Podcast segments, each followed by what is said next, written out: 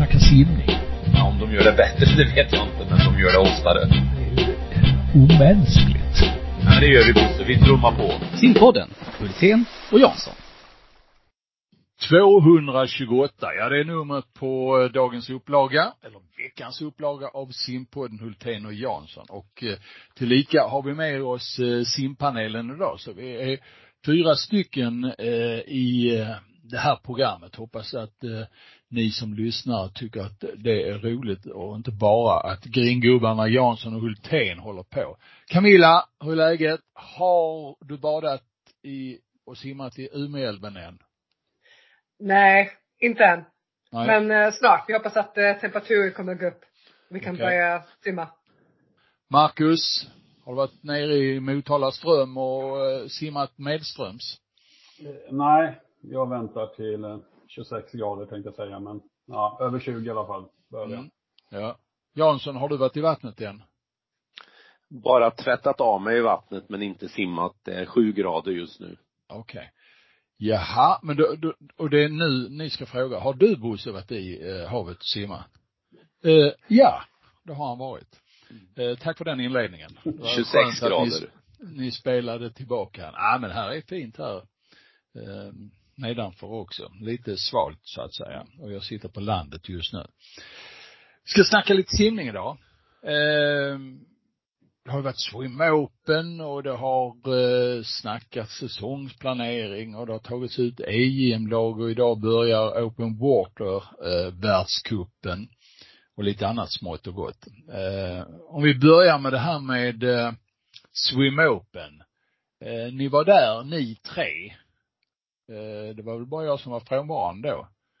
Eh, Mackan, vad tyckte du om eh, tävlingarna i år? Vi har ju, Jansson och jag har ju snackat lite om det tidigare och fått både med och mothåll här. Och din känsla av årets Swim Open i Stockholm? Jo, oj, det går så fort nu. Det var ju ett tag sedan. Men Mm. eh, personligen så hade jag trevliga dagar i Stockholm. Eh, och fick ut syftet, om jag bara tar mina egna simmare.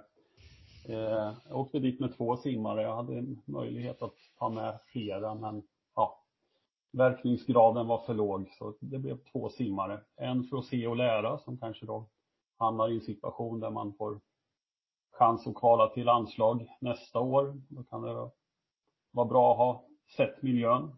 Mm. Eh, och den andra, lite äldre kille som håller på och eh, letar skolor till hösten, college. Och då kan det vara bra att eh, putsa till sina personbästa, vilket han lyckades med. Mm. Eh, så syftet eh, med dem, Uppnå. det, det var uppnått, absolut. Mm. Sen bod- bodde jag väldigt trevligt också, det måste jag säga. Jag har aldrig känt att jag skulle vilja bo i Stockholm. Men vi bodde på ett lägenhetshotell uppe i, på Hammarbyhöjden. Mm.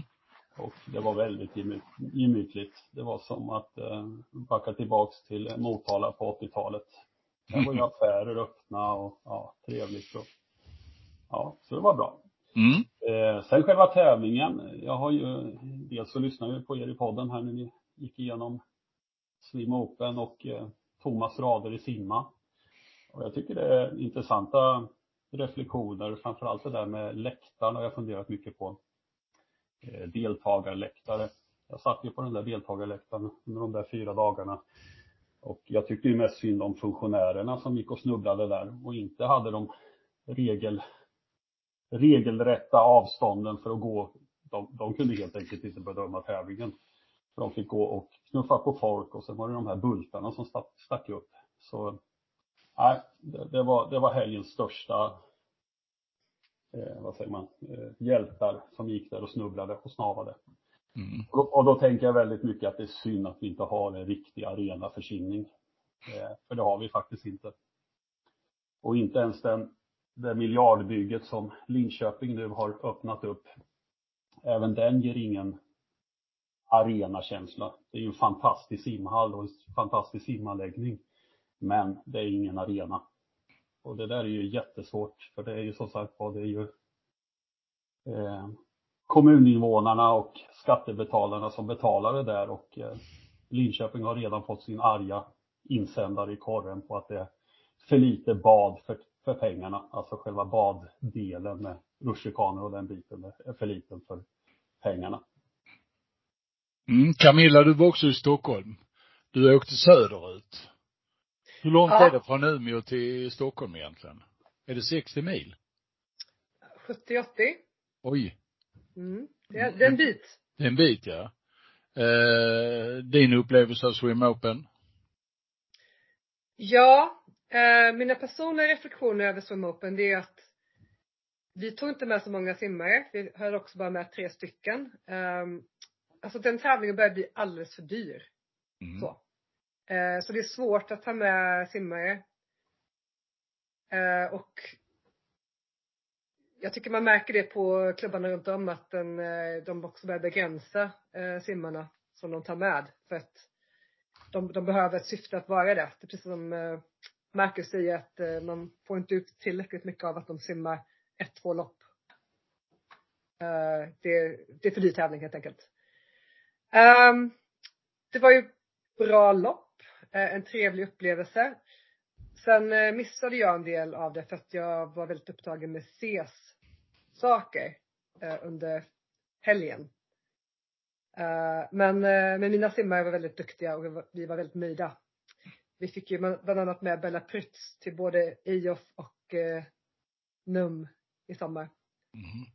Så att det var väldigt roligt. Mm. Härligt. Du, eh, Marcus, du berörde det här med arenakänsla. Så eh, säger du att eh, det finns ingen arena egentligen. Eh, men finns det inte någon eh, simanläggning i Sverige som kan kalla sig arena? Vad, vad, säger ni själv? Finns det inte någonting? Vilken är bäst? Bara slog mig tanken. Vilken är den som är mest simanpassad? Simtävlings och simträningsanpassad i Sverige? Ja, det finns ju, jag, jag, jag tänker på två, men då pratar vi kortbana. Dels så är det ju 25an, Eriksdalsbadet, eh, Mm. som har en, en snygg inramning. Och sen har vi ju då miniatyren av den och då tänker jag på Helsingborg. Eh, Mm. med rätt antal, antal då i, i bassängen och på läktaren kan skapa då ett, ett tryck i hallen. Så det är Mm. de två jag, jag ser sticker Mm. ut. Alla andra ställen måste man ju skapa mer eller mindre, bygga. Eh, Det finns ju liksom inte färdigt på plats som en, som en fotbollsarena. Nej, det är de två. Finns det någon 50 som är i närheten då? Inte? Nej, finns det inte. Det går ju att skapa i kanske någon ute 50 men knappt där heller. Nej. Mm. Ja, eh, så är det väl.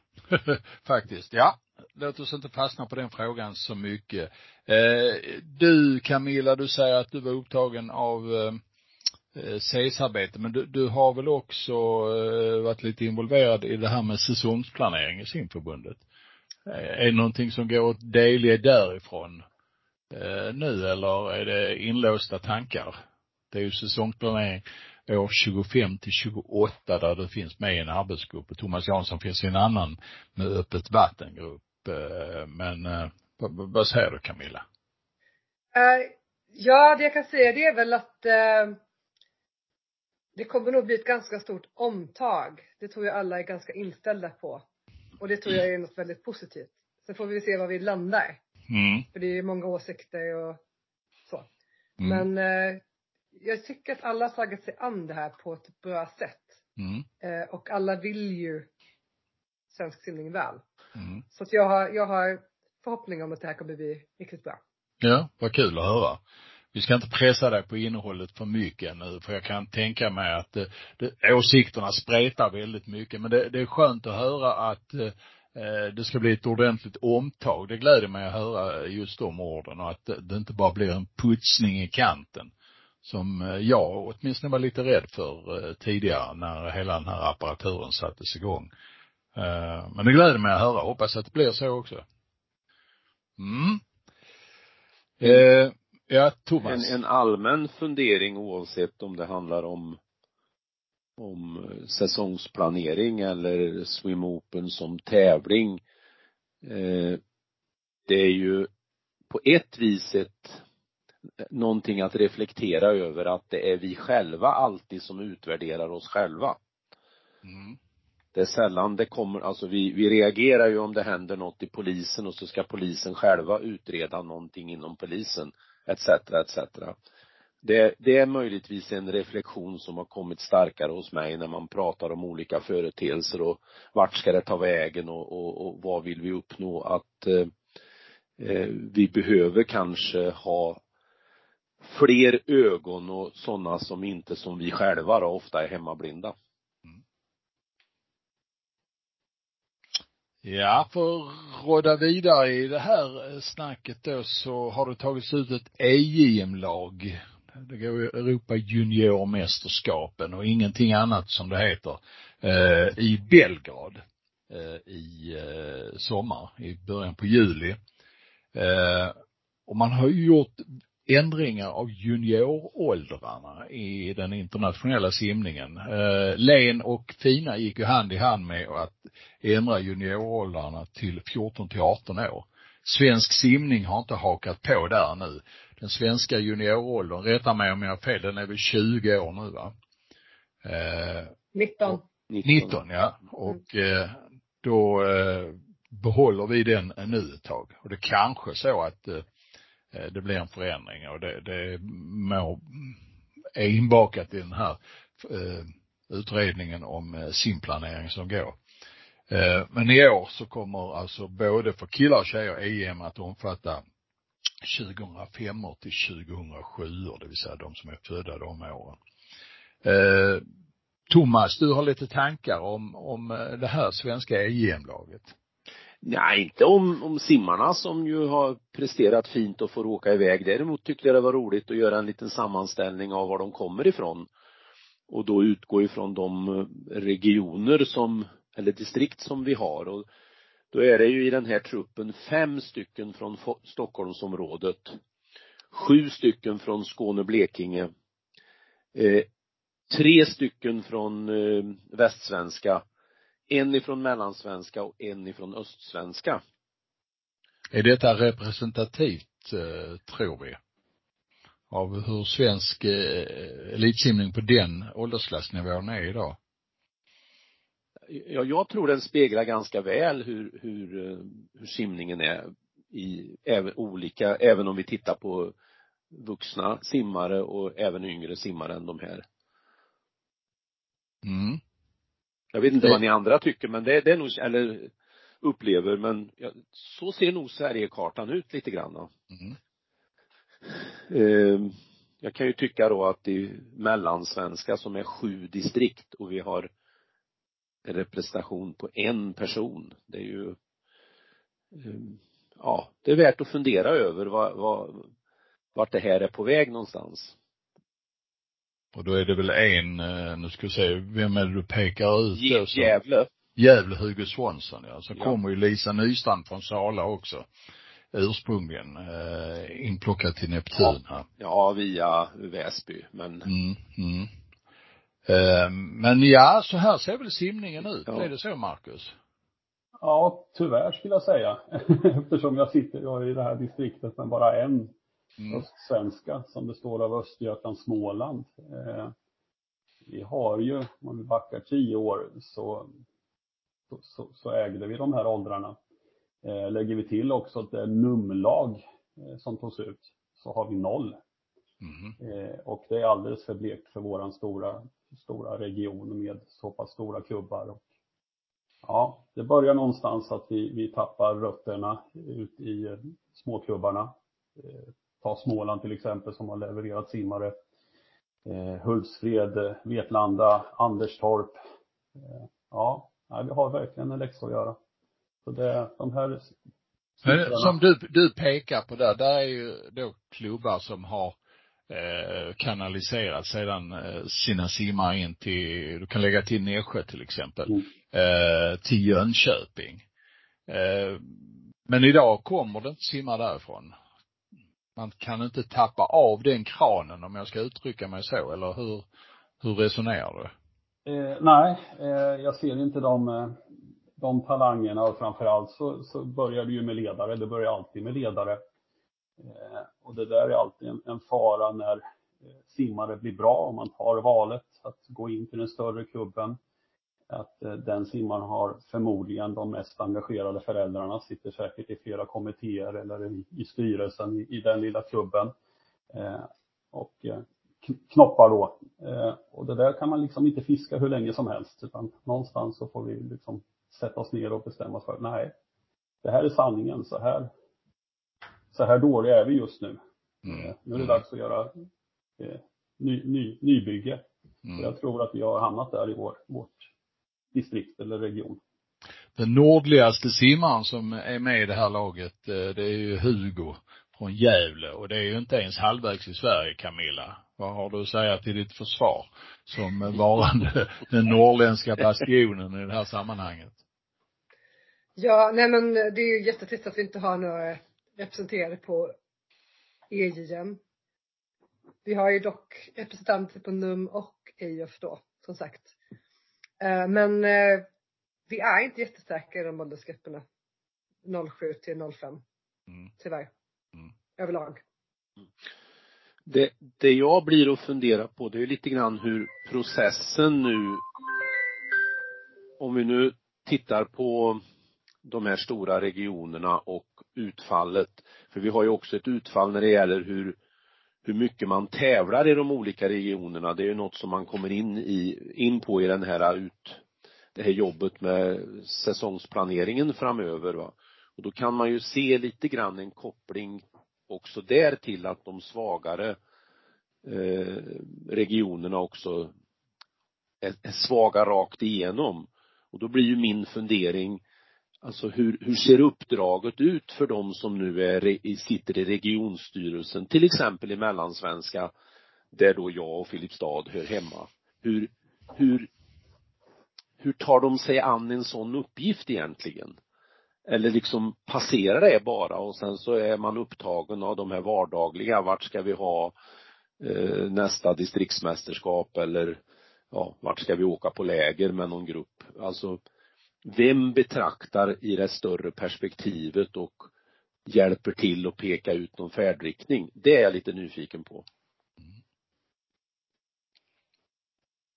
Går vi in och tittar på det här laget, eh, vad säger vi om det? Är det ett bra EM-lag? Jag brukar alltid ställa den frågan varje år i dagarna innan EM till eh, berörda ledare. I fjol fick jag lite konstiga svar som visade sig vara helt felaktiga eh, när det kom till kritan sen. Men ni som eh, kan det här ordentligt, eh, ni hörde beröm.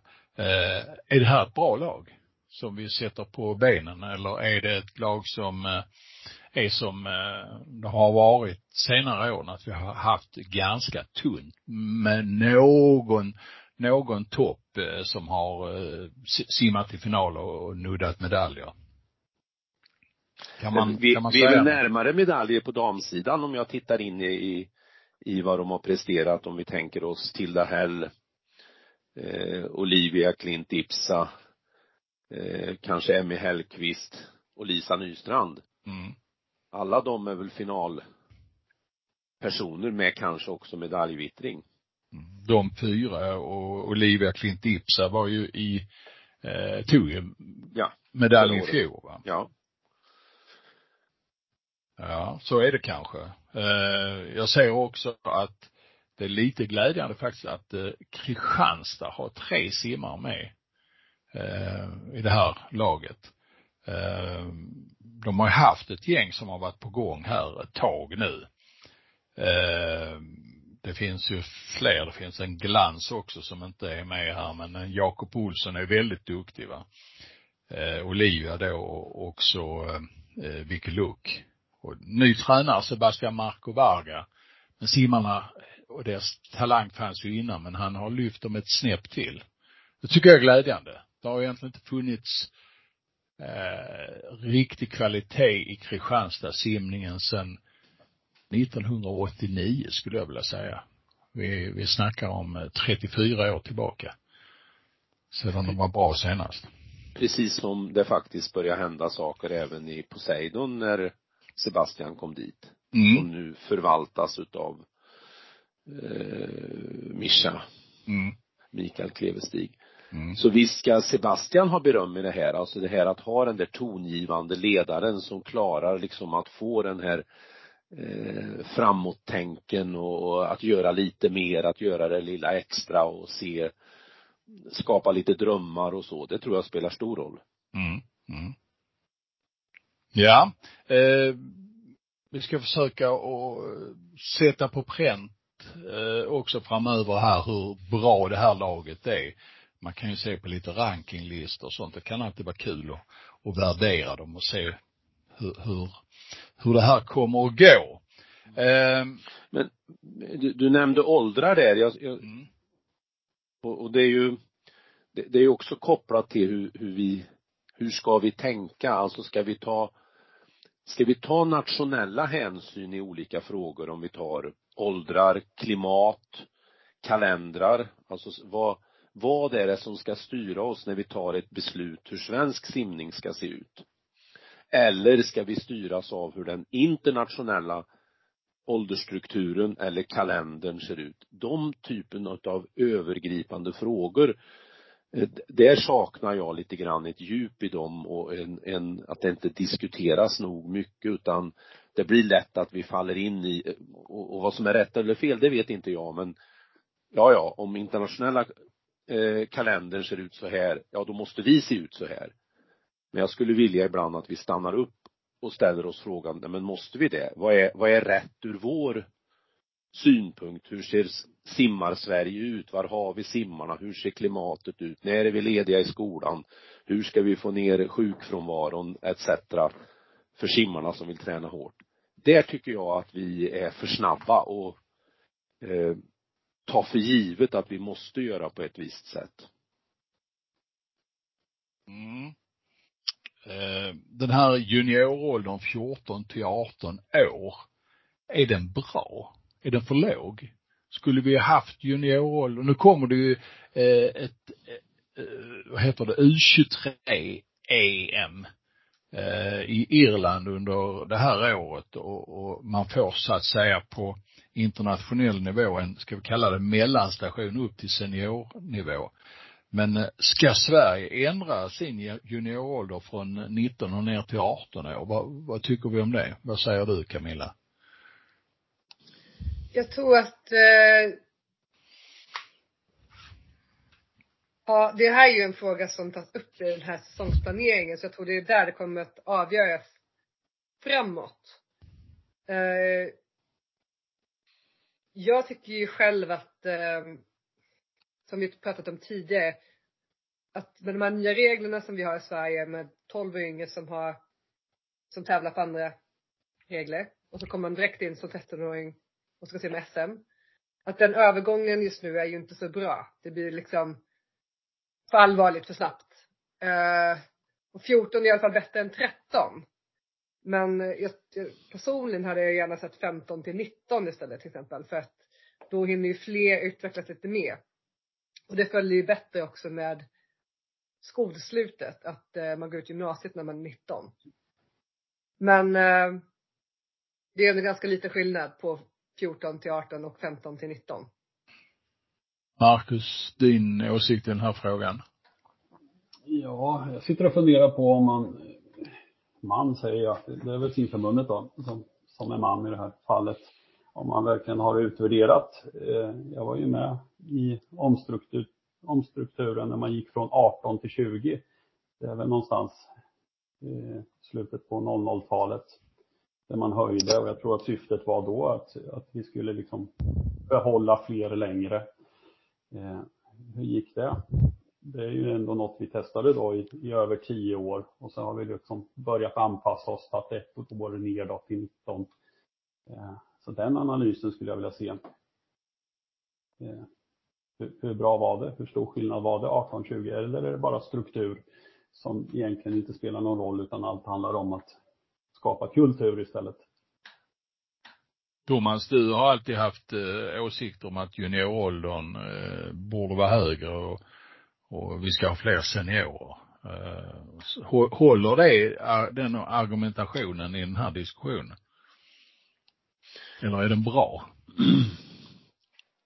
Nej men, det är ju, man har gjort Kenneth Magnusson har ju ställt samman lite statistik kopplat till vad som har hänt sedan vi ändrade åldern upp till 20 år. Och i den statistiken har man ju inte uppnått den delen av syftet. Men det som jag tror vi behöver lära oss och en del har lärt sig det är ju att det är mer saker som påverkar när en karriär tar slut och hur länge man simmar än bara åldrarna, junioråldrarna.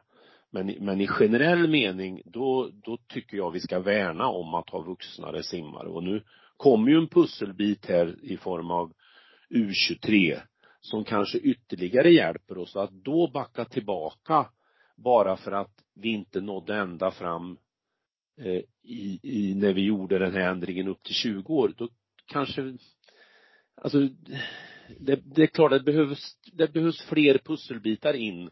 Åldrarna i sig är inte lösningen. Men man kan ju då lägga den här aspekten, är det, är det barn eller vuxna vi vill se i vår idrott och så fortsätta att kämpa för att det ska vara fler vuxna. Mm. Personligen så ser jag ju det som ganska viktigt och, och också en trovärdighetsfråga, en organisatorisk fråga, att vi har en juniorålder som överensstämmer med den internationella junioråldern om vi ska eh, matcha mot EM, om vi tycker att EM är en bra avstamp, dessutom för att få simmarna att förstå det här.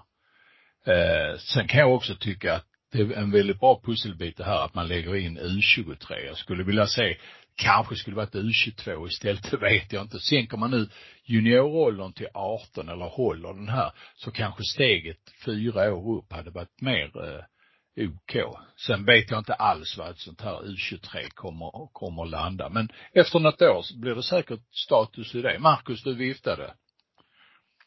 Ja, så gäller det ju hur man utformar de här tävlingarna, inte bara dribbla med, med siffror och åldrar. Eh, som det har varit så har det ju inte varit någon betydelse 18, 19 eller 20 för det, det har ju ändå varit att man har åkt på ett SM och junior-SM har avgjorts på, på en förmiddag.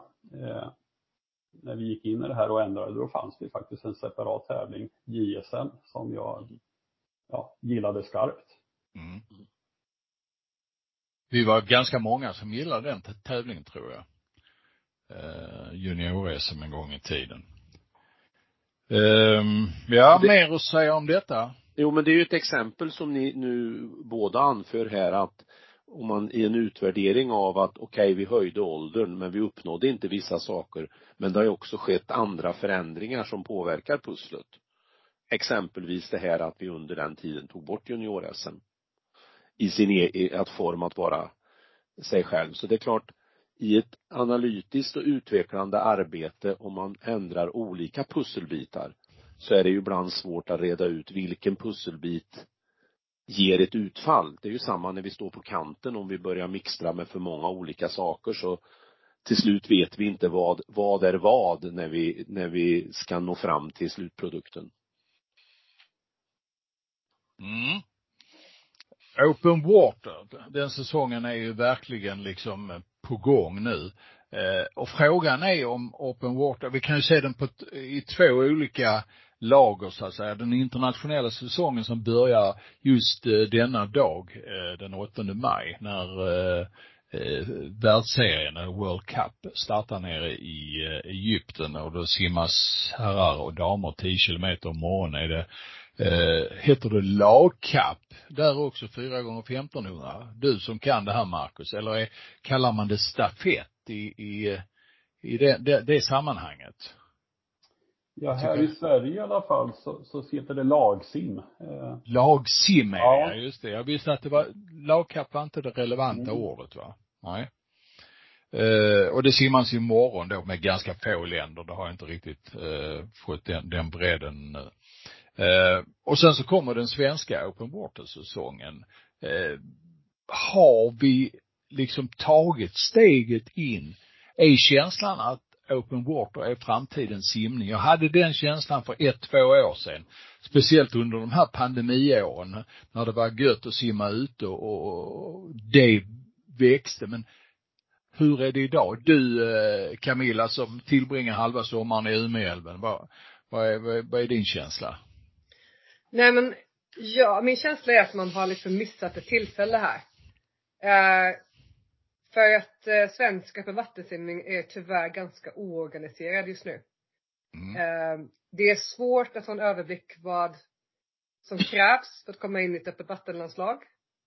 Eh, man vet inte vilka tävlingar det finns. Eh, det finns ingen inga planerade läger eller sånt som man kan se eh, till exempel.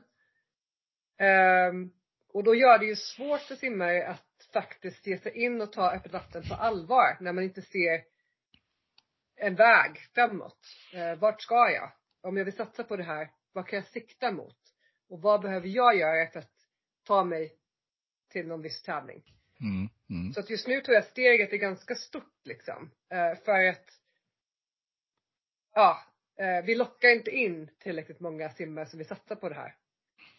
Eh, och, och svensk distanssimning är ju, om man tittar nu på det som Kenneth tagit fram, det här underlaget, så ser vi ju att det är en procent av alla simningar är 1500. Det, det är ju väldigt, väldigt lite Mm. som simmas.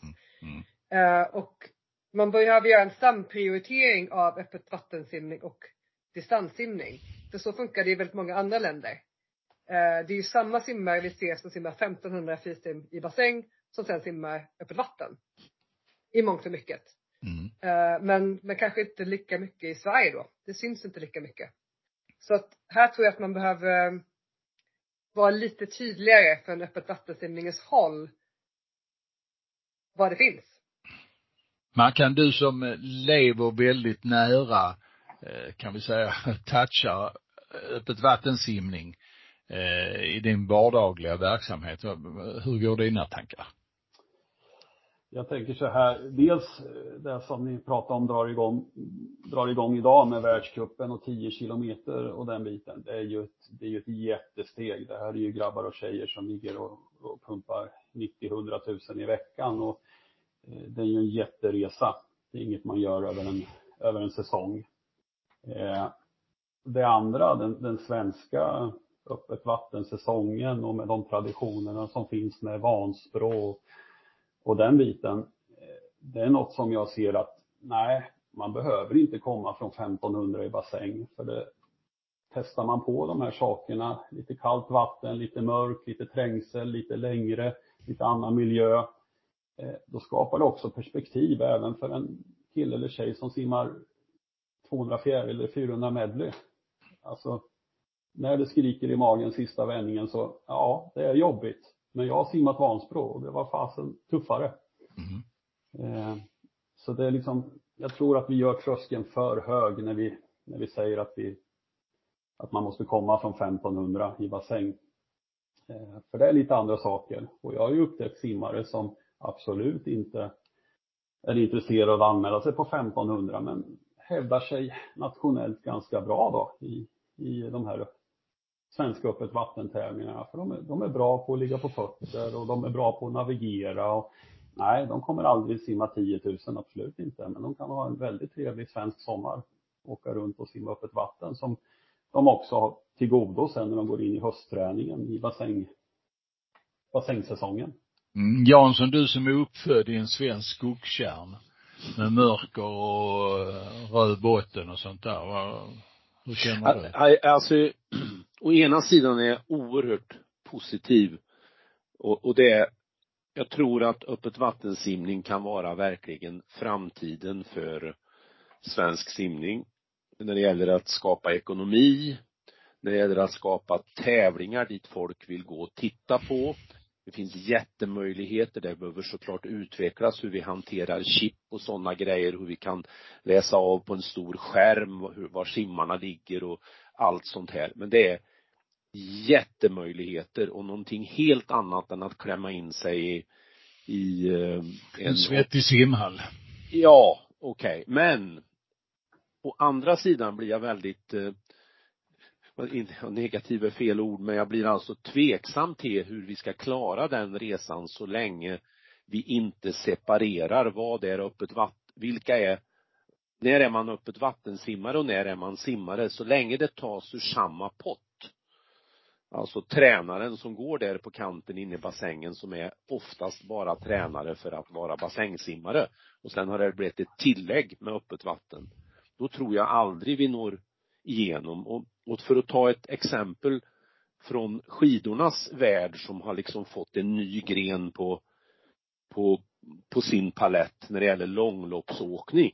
Och där hör jag ju nu och ser även här i lilla Filipstad några som tar, de tar ett, ett beslut, jag är en långloppsåkare. Och då är det det som styr hela upplägget.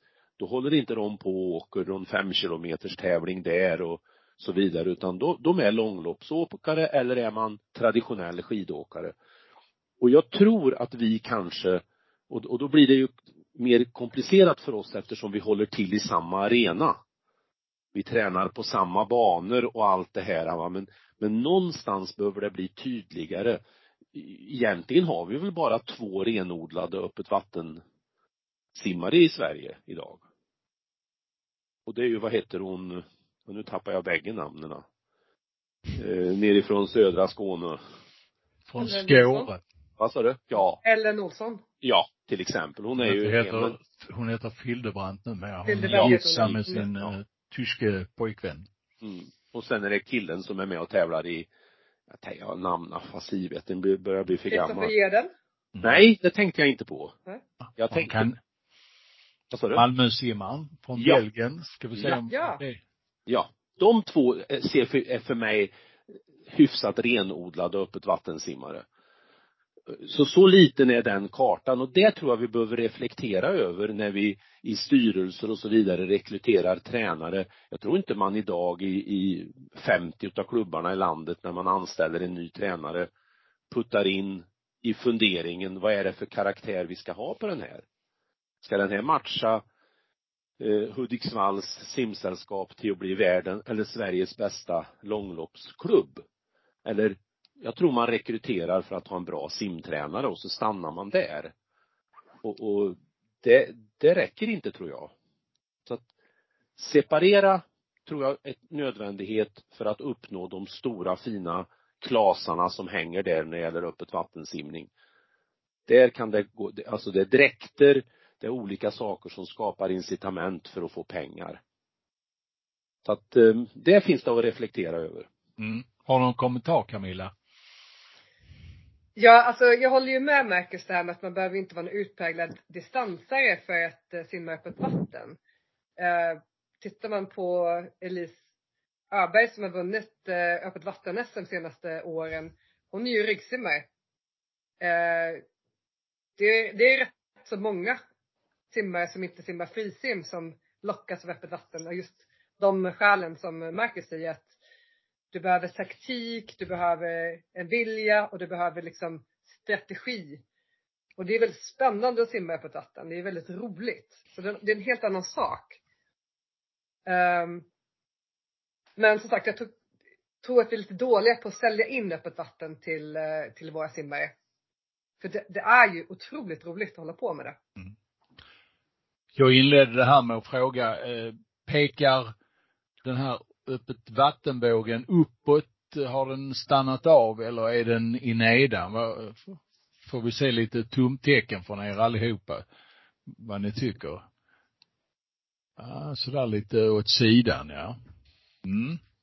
Eh, om jag, jag ställer frågan till dig, eh, Mackan, vad behövs eh, rent praktiskt för att få den här eh, att peka mer uppåt eh, de närmaste åren?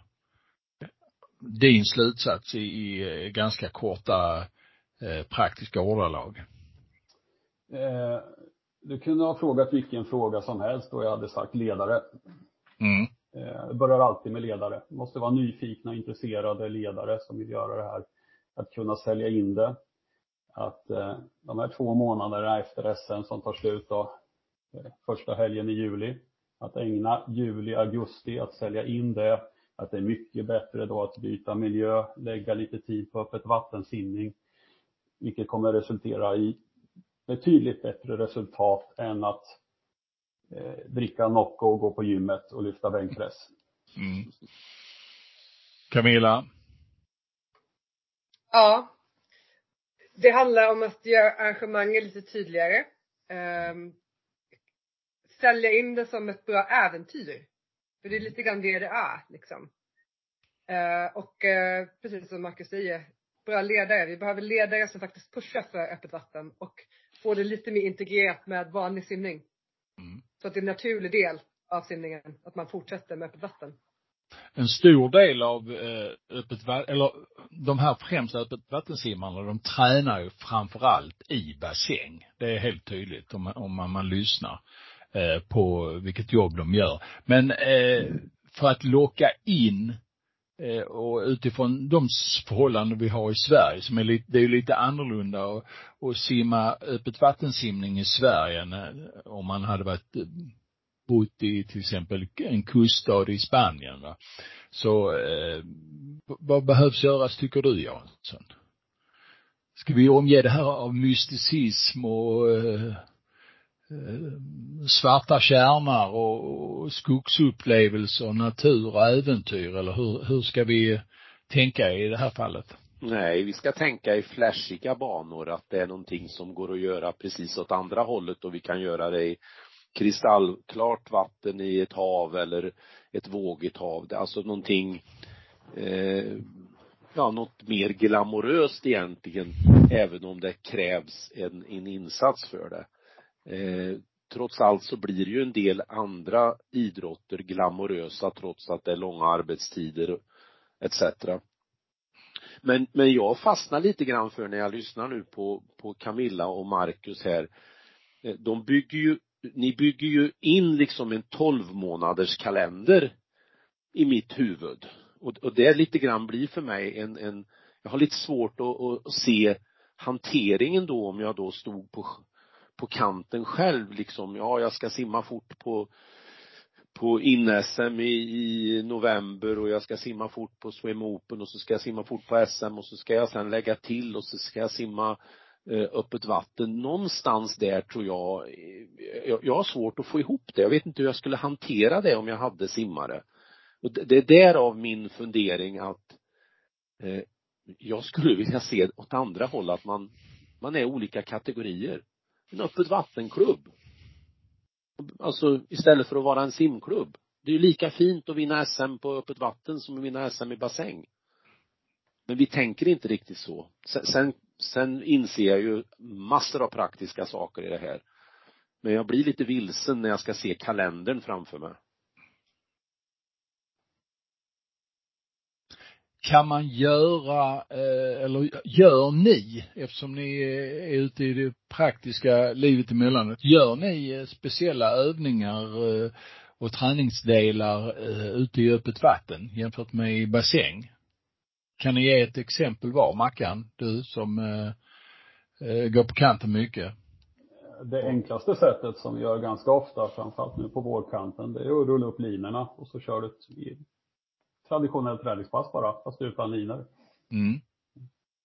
Simmar man runt i bassängen med boja och sånt? Camilla? Ja, vi gör det. Vi ja. Eh, simmar runt i bassängen och har bojar och eh, vi, vi tränar ju också väldigt mycket ute i öppet vatten när vi väl drar igång. Mm. Så att eh, det är ju typ varannan dag i bassäng, varannan dag ute. Du, när ni tränar ute, vad gör ni då? Ligger ni bara maler och simmar och njuter av livet eller har ni specialgrejer som ni jobbar med? Ja, vi har specialgrejer. Eh, vi eh, Kan du ge ändrar... exempel? Nej men ibland så kan det vara att vi kör eh, spurter, att typ vi kör ett rätt över sjön som är typ 300-400 meter. Och så kanske vi gör åtta sådana omgångar. Eh, ibland kör vi väldigt långt utan att stanna bara för att träna på att hålla på länge. Eh, ibland så kör vi så här, lite mittemellan där vi kör kanske 1200 meter där man verkligen så här, drar på och försöker hålla farten. Eh, sen kör vi mycket att man ligger i klunga och övar på det eh, och kunna ändra position i klungan. Eh, det är väldigt viktigt. Eh, att simma bredvid någon och kunna dra ifrån. Eh, att dumpa någon liksom när du ligger och simmar. Eh, ja, vi kör så mycket olika övningar. Eh, men vi håller ofta ihop gänget. Alltså alla har sin eget tempo. Men vi simmar ju ofta till någonting och så får man samla upp gänget och så prata lite grann om hur man har tränat och sen så kör man vidare. Eh, och så, så, så justerar vi träningen så att alla kan vara med oavsett vilken förmåga. Eh, och ibland så har vi någon som är väldigt stark och duktig, då slänger vi på kanske fenor eller paddlar på, på någon som är snäppet under för att kunna matcha den här snabba rätten så att den också får väldigt bra träning. Ehm, så vi gör massa olika saker. Ehm, och som sagt, jag tycker det är väldigt, väldigt roligt att köra det. Sen i bassäng, när vi väl är i bassäng, då kör vi kvalitetssaker där. Då är det liksom mjölksyra, hög fart, kvalitet. Och så gör vi distansträningen i öppet vatten. Mm. Har du något att tillägga i den här eh, diskussionen, Thomas?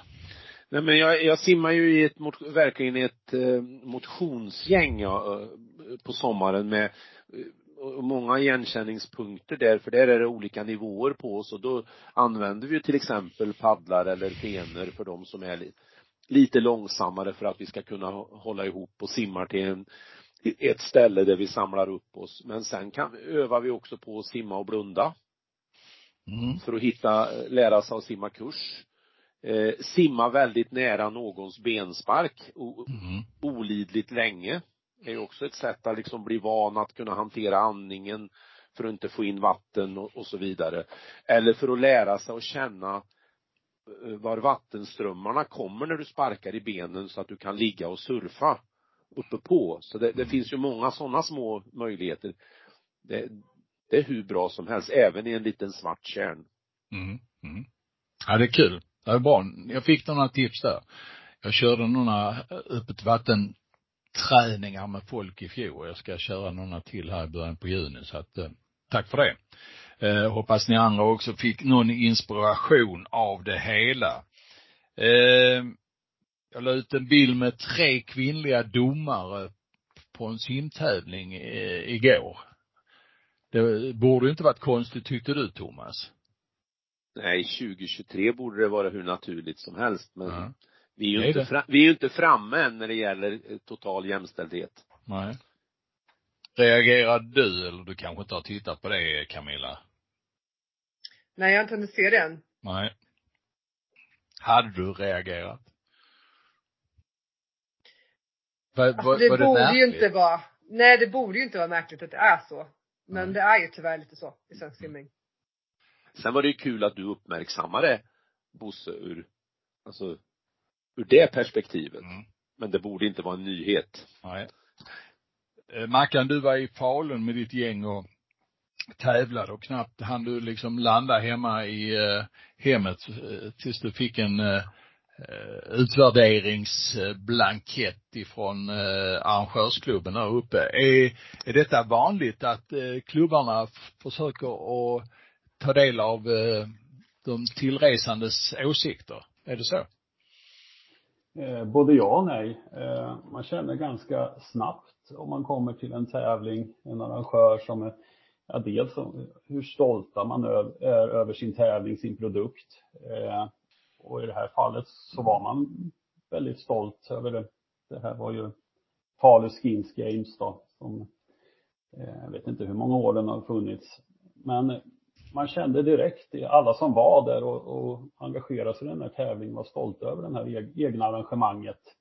Eh, till skillnad att man kanske har blivit tilldelad en, en förbundstävling, en simiad eller någonting, något som bara ska städas av. Eh, så här fanns det nog en, en, en, stark vilja att göra så bra som möjligt och framförallt göra det ännu bättre till nästa år. Dessutom så var man ju första gången i sin nya simhall där i Falun. Eh, så jag uppskattar väldigt mycket att jag fick svara på den där enkäten. Mm. Mm. Härligt. Eh, sommaren är här och vi närmar oss slutet på det här programmet. Vad, vad, vad gör ni i sommar i stora drag eh, när det gäller simning, Camilla? Eh, JSM-SM i simning i Umeå. Mm. Det är vad min sommar kommer handla om till ja. mycket. Ja. Hur eh, långt sen, fram ligger ni i det arrangemanget tycker du? Ja men vi ligger bra till tycker jag. Eh, mm. Vi eh, det är, det är ett väldigt stort arrangemang att ta sig an. Eh, och vi har stor respekt för att göra det här och vill verkligen göra ett jättebra jobb med det. Så att vi lägger ner mycket tid och energi på att få det här precis rätt. Eh, så att, ja, jag hoppas att vi, ni kommer mötas av en bra upplevelse när ni kommer upp hit till Umeå. Ni har haft eh. några arrangemang nu att öva på. Ja. eh, på resan. Vilka är det som eh, har varit eh, de senaste åren, sen ni fick simhallen? Eh, sen vi fick simhallen så har vi haft Masters-SM i långbana, vilket var det sista tyvärr, Masters-SM i långbana. Senaste i alla fall. Ja, det senaste. Jag hoppas att det kommer igång igen med det. Mm. Eh, och sen den stora saken är att vi arrangerade ju SumSim Riks eh, 2019. Mm. Och det var ett väldigt bra arrange- arrangemang att öva sig på. Så att eh, vi känner oss mycket mer eh, säkra på det här arrangemanget nu efter SumSim. Mm. Känner du att ni eh, har eh, hittat några nyheter eh, som publik och deltagarna kommer att möta där uppe? Alltså vi försökte lägga in lite nyheter i arrangemanget men tyvärr så har vi fått nej av simförbundet på vissa grejer. Mm. Så eh, det blir inte kanske lika nyskapande som vi hade hoppats på. Nej. Någonting som man kommer att reagera på? Eh, jag tror att eh, den saken som vi kommer göra det är att eh, dagens simmare, alltså den kvinnliga och manliga simmaren som har högst fina poäng för dagen, kommer att få en fin present och en priset, prisceremoni på Skeppsbron. Där man har artisterna och hela den här saken. Mm. Och eh, vi har också lagt in att eh, vi kommer utse tävlingens simmare. Så det kommer vara på söndagen. Så att då blir det två prisutdelningar där. Så det blir dels Mm. dagens simmare och så blir det SM1 simmare som blir utsedda. Och tävlingarna kan man ju se då, det är ju inomhus för det första ska vi ju säga. Det är många, många år sedan eh, SM i långbana gick inomhus.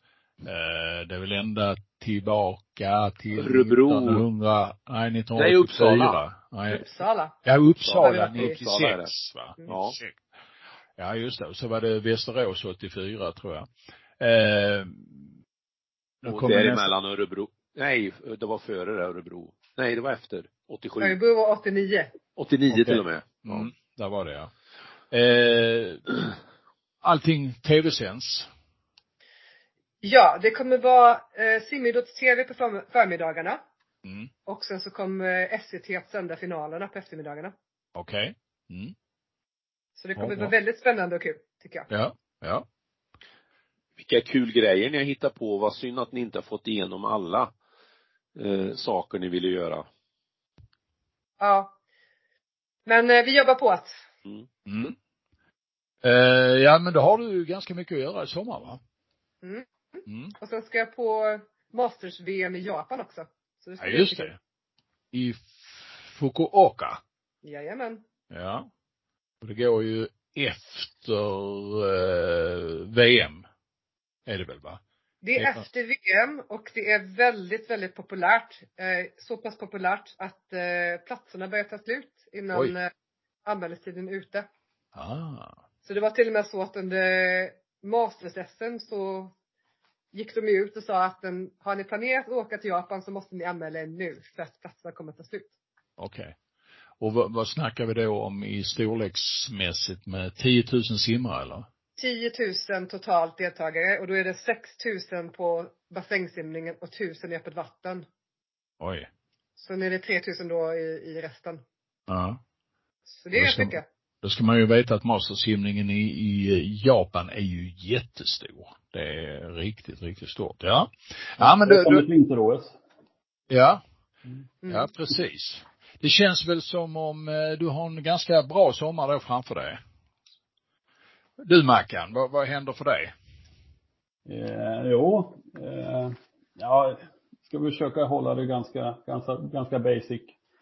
Eh, vara på hemmaplan så mycket som möjligt trots att vi inte längre har någon, någon 50 meters utebassäng så, eh, så sitter jag i en sits där jag sitter på två stolar med, med tre feter som har basen här då i Motala. Eh, men det blir en liten kort resa. Vi kommer med simmarna åka efter skolavslutningen fyra dagar till Skara. Simma lite långbana. Mm. Eh, annars så blir det de, eh, de vanliga tävlingarna, mästerskapen och, och öppet vatten på det. Mariebergsbadet eller Motalabadet, det, det står där och, och bara ruttnar. Ja, nu är det jämnat med marken så det, det Är det? skönt i alla fall. Ja, så vi slipper se det. Men eh, ny, nya, den nya simhallen eller det som skulle ersättas, det skulle varit färdigt förra året. Mm. Mm. Så nu går vi in på sjätte sommaren utan att det ersatts. Och det är ingen ljusning i det fallet? Nej, vi eh, avvaktar. Det kommer vilken dag som helst det här eh, beslutet från eh, Mark och miljödomstolen om alla överklaganden som är. Och det är, då snackar vi om det här Lalandia-projektet Yes. Yes. Men jag vill minnas att du och jag satt på ett första sammanträde tillsammans Ja, för det är några år sedan nu. Ja. ett tag sedan. ja. Så Ja. det, det, ska, det ska bli skönt att det kommer ett beslut där i alla fall, så får man ju då efter det välja, Mm. väl, välja riktning. Mm. Mm. Jansson, du bygger fortfarande på din simhall, ska jag göra hela sommaren eller? Ja, jag ska mura och tapetsera och så lägga kakel. Nej men, nej det blir en plåtbassäng förresten så det blir inget kakel. Nej men för, för min del då så är det ju såklart Ferlindoppet som kommer i sista helgen i eh, juli som blir ett två dagars arrangemang och där kan har vi ordnat så att klubbar som vill sova över kan få göra det gratis på, i skolorna. Mhm. Så det tycker jag är något att sälja ut. Sen kommer jag ju jaga bassänger från Mellansverige och upp till norra Sverige och tillbaka i samband med trippen upp till Umeå. Ska Mm. jag försöka hitta fem, tio stycken bassänger och um, få folk att gissa vilka bassänger jag har kämpat mig igenom mina tusen meter. Så Mm. det blir ett spännande äventyr. Jag håller på att Mm. planera det och har bokat in några hotell och så. Så att eh, Mm. det blir kul. Ja, bra. Det verkar som ni har en fullmatad sommar. Det låter gött det. Eh, vår tid är eh, mer eller mindre ute nu. Vi har hållit på massor med minuter här och snacka och hoppas att ni har varit med oss hela vägen, ni som sitter där och lyssnar. Eh, har ni tankar om vad som sagts här så finns eh, möjligheterna att eh, skicka ett eh, litet eh, mail till oss under eh, adressen simma telia.com. Simma telia.com. Där kan du ha lite tankar om vad som har sagts här. Då säger jag hej och tack till er allihopa och eh, därmed så avslutar vi eh, dagens övningar. Eh, Och tackar er som har lyssnat också. Hej och tack! Nu ska vi snacka simning. Ja, om de gör det bättre, det vet jag inte, men de gör det oftare. Det är ju omänskligt. Ja, men det gör vi Bosse, vi trummar på. Simpodden, Hultén och Jansson.